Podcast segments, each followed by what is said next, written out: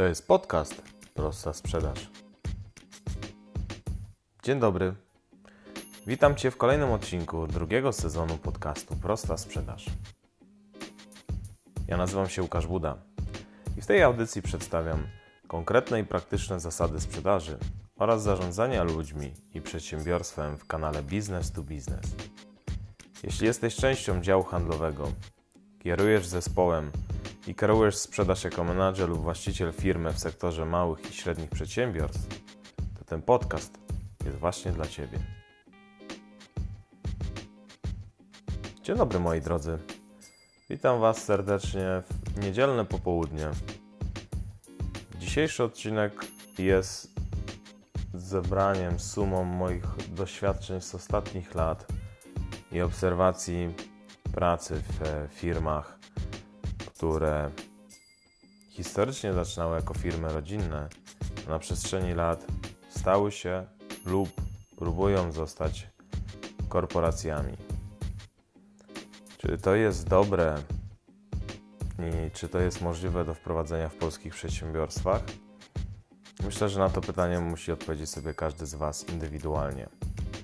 Drugi istotny aspekt do tego, żeby zostać taką firmą, której struktura pozwala na to, żeby budować strukturę korporacyjną, to też jest czas. I w obecnym momencie poruszę również aspekt zmian pokoleniowych, które następują na polskim rynku przedsiębiorstw.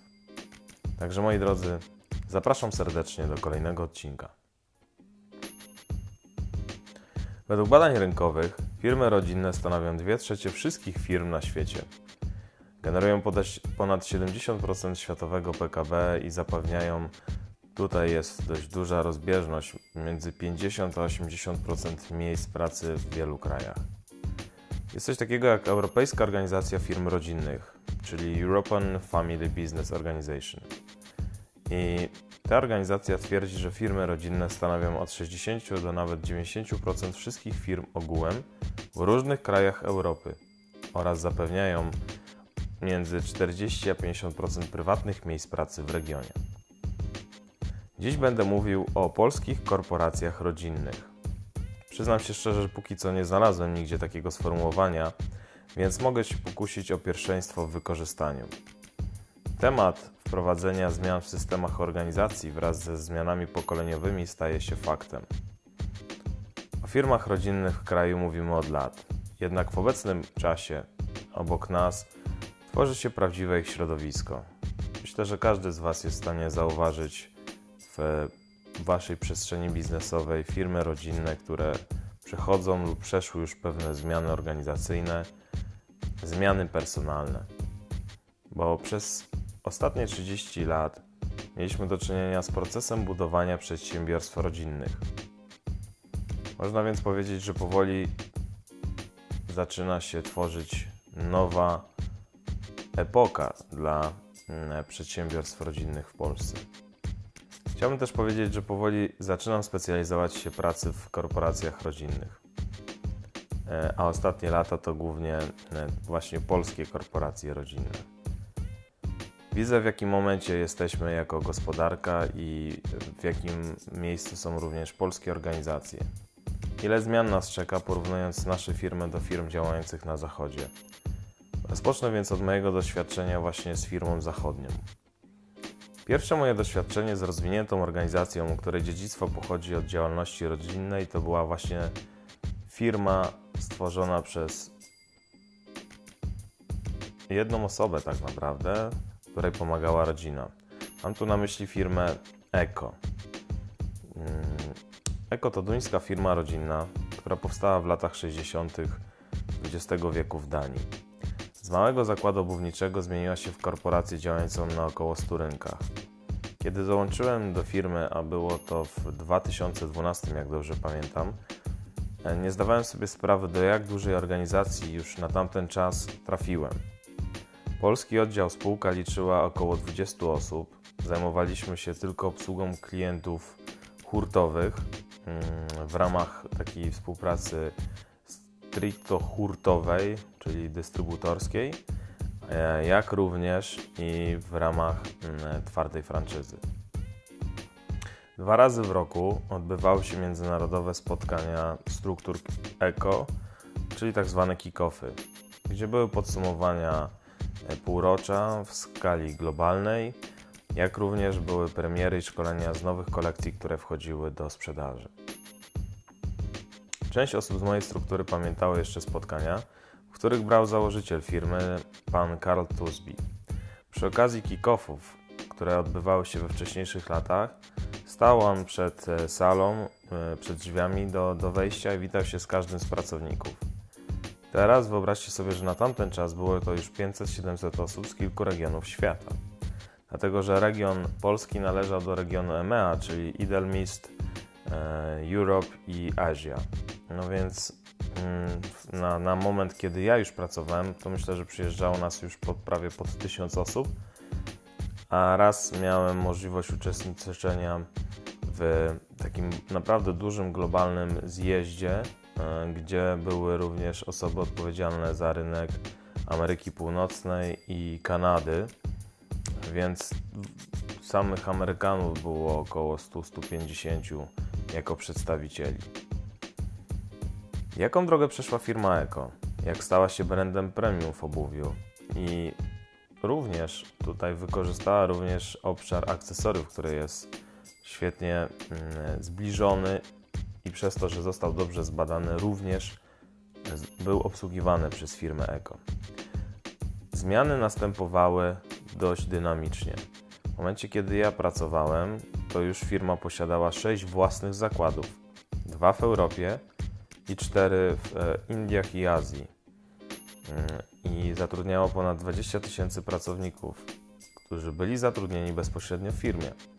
No więc na przestrzeni 50 lat firma z firmy rodzinnej stała się konsorcjum, konglomeratem. Nie wiem jak to nazwać, ale no po prostu no, dość dużą, bardzo dużą globalną strukturą, e, posiadającą własne zakłady, posiadającą no, ponad 20 tysięcy zatrudnionych pracowników.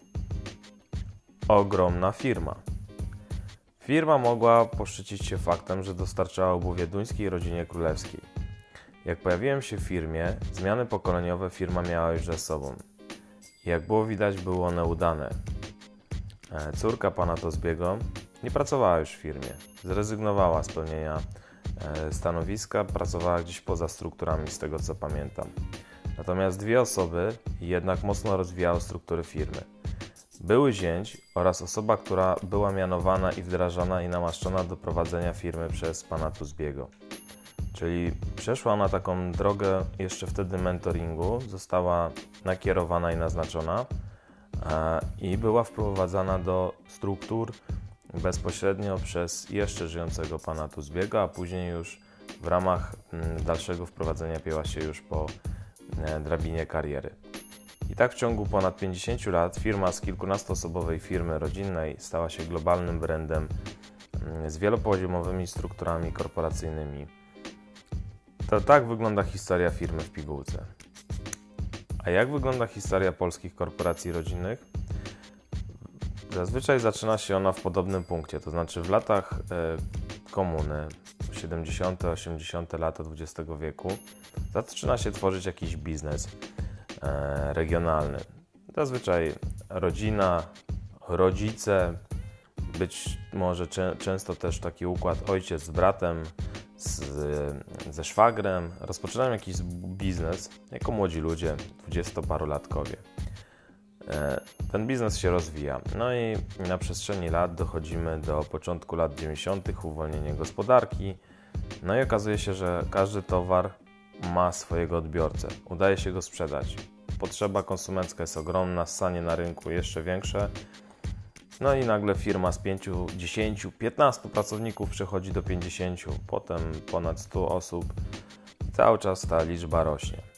No i teraz uświadomcie sobie, przedsiębiorstwo ze 100 osobami to już jest średnie przedsiębiorstwo, którym nie da się już bezpośrednio kierować tak jak można to było robić przy 5 czy 10 osobach potrzeba zbudować jakąś hierarchię. Trzeba zbudować i nadać odpowie odpowiedzialność pewnym pracownikom.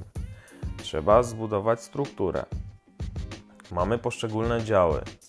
E, wy, wyciągamy, czy też pozyskujemy osoby odpowiedzialne za te działy, czy są to kierownicy, dyrektorzy, którzy mając pewne zespoły, są rozliczani z ich pracy i zaczynają odpowiadać już przed albo bezpośrednio właścicielem, albo przed jakąś strukturą zarządczą. Chęci właściciela do zmian wewnątrz organizacji przy zachowaniu pełnej władzy często połączone są z fanatyzmem kontroli i posiadania. Mm, powiem szczerze, to się często spotyka i często jest to odczuwalne w e, polskich przedsiębiorstwach. Pojawiają się na pomysły, pomysły na wdrożenie e, modeli korporacyjnych, e, struktur w zarządzaniu firmą. Natomiast jest to ciężko zrealizować, dlatego że ta zarządczość tego właściciela mocno wkracza i jakby to powiedzieć depcze po, po odciskach, czy też depcze po mm, jakby samej samej e, mm, samej takiej, takiemu obrazowi, jaki nam się kojarzy z e, korporacją, z zarządzaniem korporacyjnym, z układem korporacyjnym. Dlatego, że w korporacji wszystko jest poukładane, każdy ma odpowiedni zakres zadań, odpowiada za ten zakres i rzadko wychodzi poza mm, swoje jakby ramy działania. Natomiast w polskich przedsiębiorstwach, kiedy jeszcze pracowałem osób, no to prawda jest taka, że każdy odpowiada za wszystko i w pewnym momencie ta odpowiedzialność gdzieś się umywa. E, okazuje się, że nie wiadomo, kto popełnił błąd, ponieważ w całej procedurze czy w całym procesie brało nagle 5-10 osób E, no i, i to jest problem. Służą mm, tej całej tej sytuacji, służą temu również zatrudnienia osób pracujących e, wcześniej w e, zachodnich korporacjach do tego, żeby w firmie ustrukturalizować pewne rzeczy.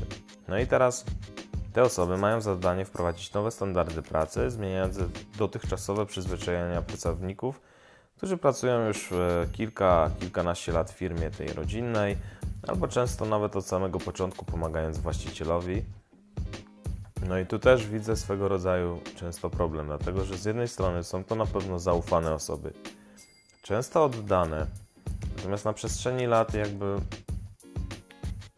świadomość tego, co się dzieje w biznesie, tych wszystkich zmian naokoło na tym rynku zewnętrznym, nie dociera do nich. Oni zostali w tych początkowych latach, kiedy mm, w tym powiedzmy w cudzysłowie garażu czy w jakiejś stodole robili pewne rzeczy razem z właścicielem ramię w ramię, a teraz nagle odległość między de facto tymi ludźmi, czyli między tymi pracownikami z, z najwcześniejszych lat, a właścicielem rozciągnęła się, pojawiają się nowi ludzie, no ale ciężko jest zmienić nawyki tych długo pracujących osób.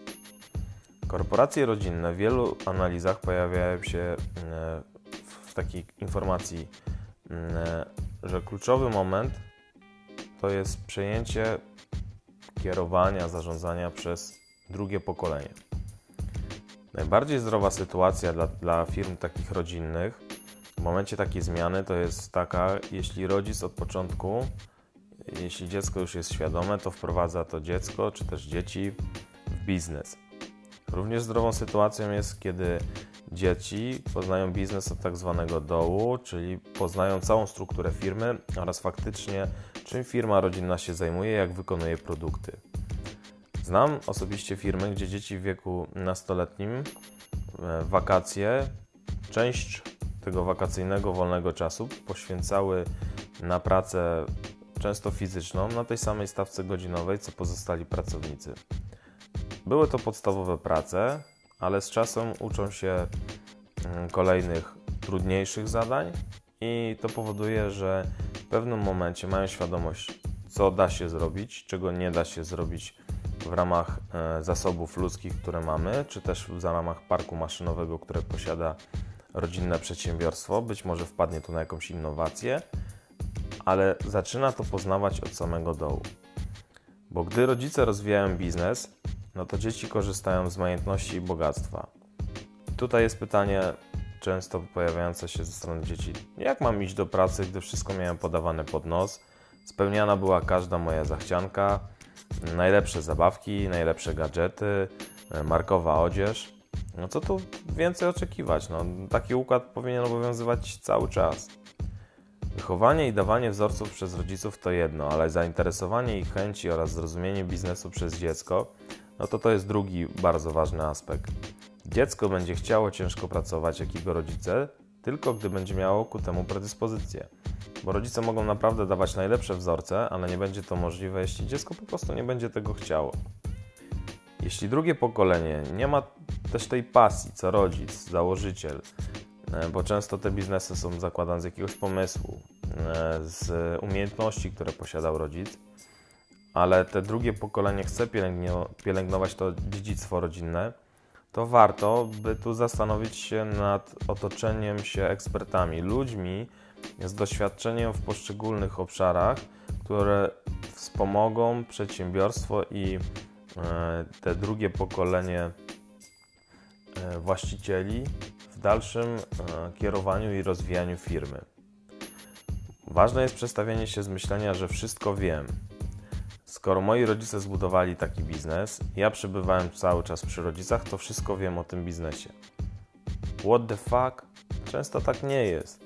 Często jest to e, bardzo błędne myślenie, powodujące właśnie mm, e, swego rodzaju jakieś tarcia z pracownikami, tarcia e, w przestrzeni biznesowej. Słuchanie pracowników i pokora następcy e, biznesu i ludzi e, to klucz do dalszego rozwoju firmy. Na niektóre sytuacje organizacja nie ma wpływu, więc tu jest ważne, żeby właściciel, wprowadzając tego nowego czy nowych liderów z struktur rodzinnych, no, mógł wprowadzać ich e, takim, takimi rzutami, dając im możliwości decyzyjne. Dlatego, że to, co ja zauważam, to jest mm, ta władza absolutna właściciela firmy. Kiedy rodzic zrozumie i odpuści posiadanie poczucia władzy i przekaże stery dzieciom, pozwoli na większą samodzielność w decyzjach. No bo tutaj generalnie często jest tak, że wprowadzam dziecko, mam duże oczekiwania od niego, ale tak naprawdę nad wszystkim muszę panować. No bo jak to dziecko ma spróbować biznesu? Jak ta firma ma przetrwać trudne chwile, jeśli e, młody lider, młody wilk nie ma możliwości sprawdzenia się w terenie. Założyciele firmy w takich okresach często mylą rozwój biznesowy z rodzicielską nadopiekuńczością. Dla ochrony dziecka tworzą jakieś dziwne regulaminy wewnątrzfirmowe, zasady dla pracowników. Powodują ograniczenia swobody, swego rodzaju zahamowują innowacje i powodują, że staje się po prostu swego rodzaju machinalne wykonywanie zadań w pracy poza mm, ujawnianiem swoich e, pomysłów poprzez nawet pracowników, którzy też mogliby swoimi pomysłami wspomóc rozwój firmy. Nowe pokolenie przy odrobinie swobody może przynieść bardzo duże zmiany. Każda decyzja niesie za sobą konsekwencje, to wiemy. Firma być może wyznaczy nowe standardy w branży, pojawi się nowa perspektywa biznesowa, może pojawić się e, nowe, nowy pomysł na innowacyjny produkt. Nie wiemy tego. E, a często kończy się to tak, że rodzice, czyli ci właściciele, założyciele, zabijają pomysły swoich dzieci na poziomie e, biura czy, czy też domu przy prywatnych rozmowach, dlatego że pomysły dzieci wykraczają poza też pewną perspektywę, którą rodzice E, czy też e, to pierwsze pokolenie założycieli przyjęło do rozwoju firmy. Dobre zmiany dla firmy to również wejście kogoś z zewnątrz. Tu też powtarzający się przykład często osoby e, zięcia. Wchodzi ona do firm, do firmy dlatego, że zostaje członkiem rodziny. I idealnie jest, czy też świetnie jest dla firmy, jeśli posiada już jakieś doświadczenie i może wnieść do firmy to doświadczenie wraz ze świeżym spojrzeniem. Dlatego, że bardzo duży plus e, dla tej osoby jest to, że jest bliżej swojego teścia, czy też e, rodziny swojej żony, bo na pewno będzie częściej wysłuchany. I wielu w wielu firmach, które też znam z rynków, z różnych branż, czy to branży hobbystycznej, czy z branży tekstylnej, czy z branży modowej, no to te branże, te, te firmy w tych branżach naprawdę e, osiągają świetne rezultaty. No bo najczęściej jest tak, że córka zajmuje się czy to obszarem marketingu, czy księgowości, a jej mąż, czyli zięć, obejmuje stanowisko czy w dziale produkcyjnym, czy w dziale handlowym, czy w RD. Reasumując, kluczowe punkty dla polskich korporacji rodzinnych to są, dwie, to są dwa punkty. Firmy nie potrafią się przebić ze względu, ze względu na krótki czas trwania tej wolności rynkowej i e, braku chęci przekazania władzy przez e, e, rodzicieli na swoje dzieci. A drugi punkt to jest pierwsze pokolenie korzysta z tego bogactwa, na które zapracowało, a drugie pokolenie uważa, że im to bogactwo się należy. I tu jest też problem do tego, żeby przejmować tą władzę i odpowiedzialność za ludzi bo często jest tak, że właśnie to pierwsze pokolenie ma świadomość tego, jak duża jest odpowiedzialność również za pracowników, którzy pracują w mojej firmie czy w naszej firmie rodzinnej, że oni też mają rodziny i wszystko musimy zrobić tak, żeby oni chcieli u nas pracować. Właściciele muszą sobie odpowiedzieć na pytanie, czy otaczać się ludźmi, którzy znają biznes, lub przygotowujemy się do sprzedania firmy w momencie, kiedy przechodzimy właśnie te zmiany pokoleniowe. No bo co zadzieje się z dziedzictwem? To już jest odpowiedź poza mną. A ja bezpośrednio na sam koniec chciałbym dać Wam dwa przykłady z mojego doświadczenia. Pierwsze. Jest to firma z branży tekstylnej. Dwie marki, e, czy tak, dwie marki, dwa brandy dla dorosłych i dla dzieci. Senior rodu wraz z żoną ciężką pracą postawił biznes w latach 90. XX wieku. I oceniam, że dobra analiza oczekiwań konsumentów wtedy w rozwijającej się gospodarce oraz brak stawiania sobie granic pozwolił na rozwój biznesu. Ograniczenia, aczkolwiek najgorsze symptomy zarządzania ludźmi przeniosły się na syna. Syn przejął je ze zdwojoną siłą i w momencie, gdy został prezesem firmy, nie dość, że źle reagował na ludzi, to odsunął całkowicie też ojca od decyzyjności. No, stał się taki swojego rodzaju hegemonem. Długoletni pracownicy zostali w firmie, ale tylko ze względu na współpracę z e, seniorem rodu. A w obszarze pracowników, których zatrudniał już syn, następowała ciągła rotacja, która przyspieszała z każdym miesiącem. Mój komentarz. Nie znam obecnej sytuacji firmy. Firma na pewno się nie zamknie na przestrzeni najbliższych lat, jednak myślę, że z czasem wartościowi pracownicy odejdą całkowicie. Z rynku E, nie zostanie pozyskany nikt wartościowy, dlatego że no, mamy dobę internetu i informacji obiegają dość szybko potencjalnych pracowników. Nie nastąpi stagnacja. Firma przestanie się rozwijać, zacznie zjadać wypracowane przez lata zyski. Co dalej? Zależy od drugiego pokolenia, co zdecyduje zrobić w kontekście własnych zmian. Przykład idzie zawsze z góry, a przynajmniej powinien iść. I e, drugi przykład no to jest firma z branży hobbystycznej. Właściciel przyjął standardy amerykańskie. Wdraża i uczy dzieci. Drugie pokolenie poznaje firmę od najniższej struktury. Przy okazji ma możliwość poznać, co dzieje się na rynku, jak zmieniło się otoczenie konkurencyjne, jakich klientów biznesowych posiada firma, czym kieruje się przy zakupie konsument, jak docierać z informacjami i przekazem do rynku. Z perspektywy planowania dalszego rozwoju firmy są to kluczowe obszary dla określenia dalszej polityki długofalowej działalności firmy. I tu też widać tą świadomość biznesowej seniora rodu co do dalszego rozwoju firmy. Podsumowując, dwie firmy działające w dwóch różnych branżach, a tak bliskich sobie. Branżach, gdzie konsument kupuje poprzez emocje. Historie tych dwóch firm, w których do rządów, do pomysłu, do kreowania dochodzą młode pokolenia. Czas pokaże, w którym kierunku pójdą te dwa przedsiębiorstwa. I tu myślę, że takim ciekawym przykładem, czy też podsumowaniem może być podsumowanie za rok, jaka jest sytuacja obydwu tych firm w przestrzeni biznesowej. Moi drodzy, dziękuję Wam za dzisiejszy odcinek. Jeśli chcesz podzielić się swoimi uwagami, zapraszam na Facebooka Prosta Sprzedaż bez polskich znaków. Jeśli masz pytania lub potrzebujesz pomocy, napisz proszę na adres lukaszbuda.gmail.com Pamiętaj, Prosta sprzedaż to prostszy biznes.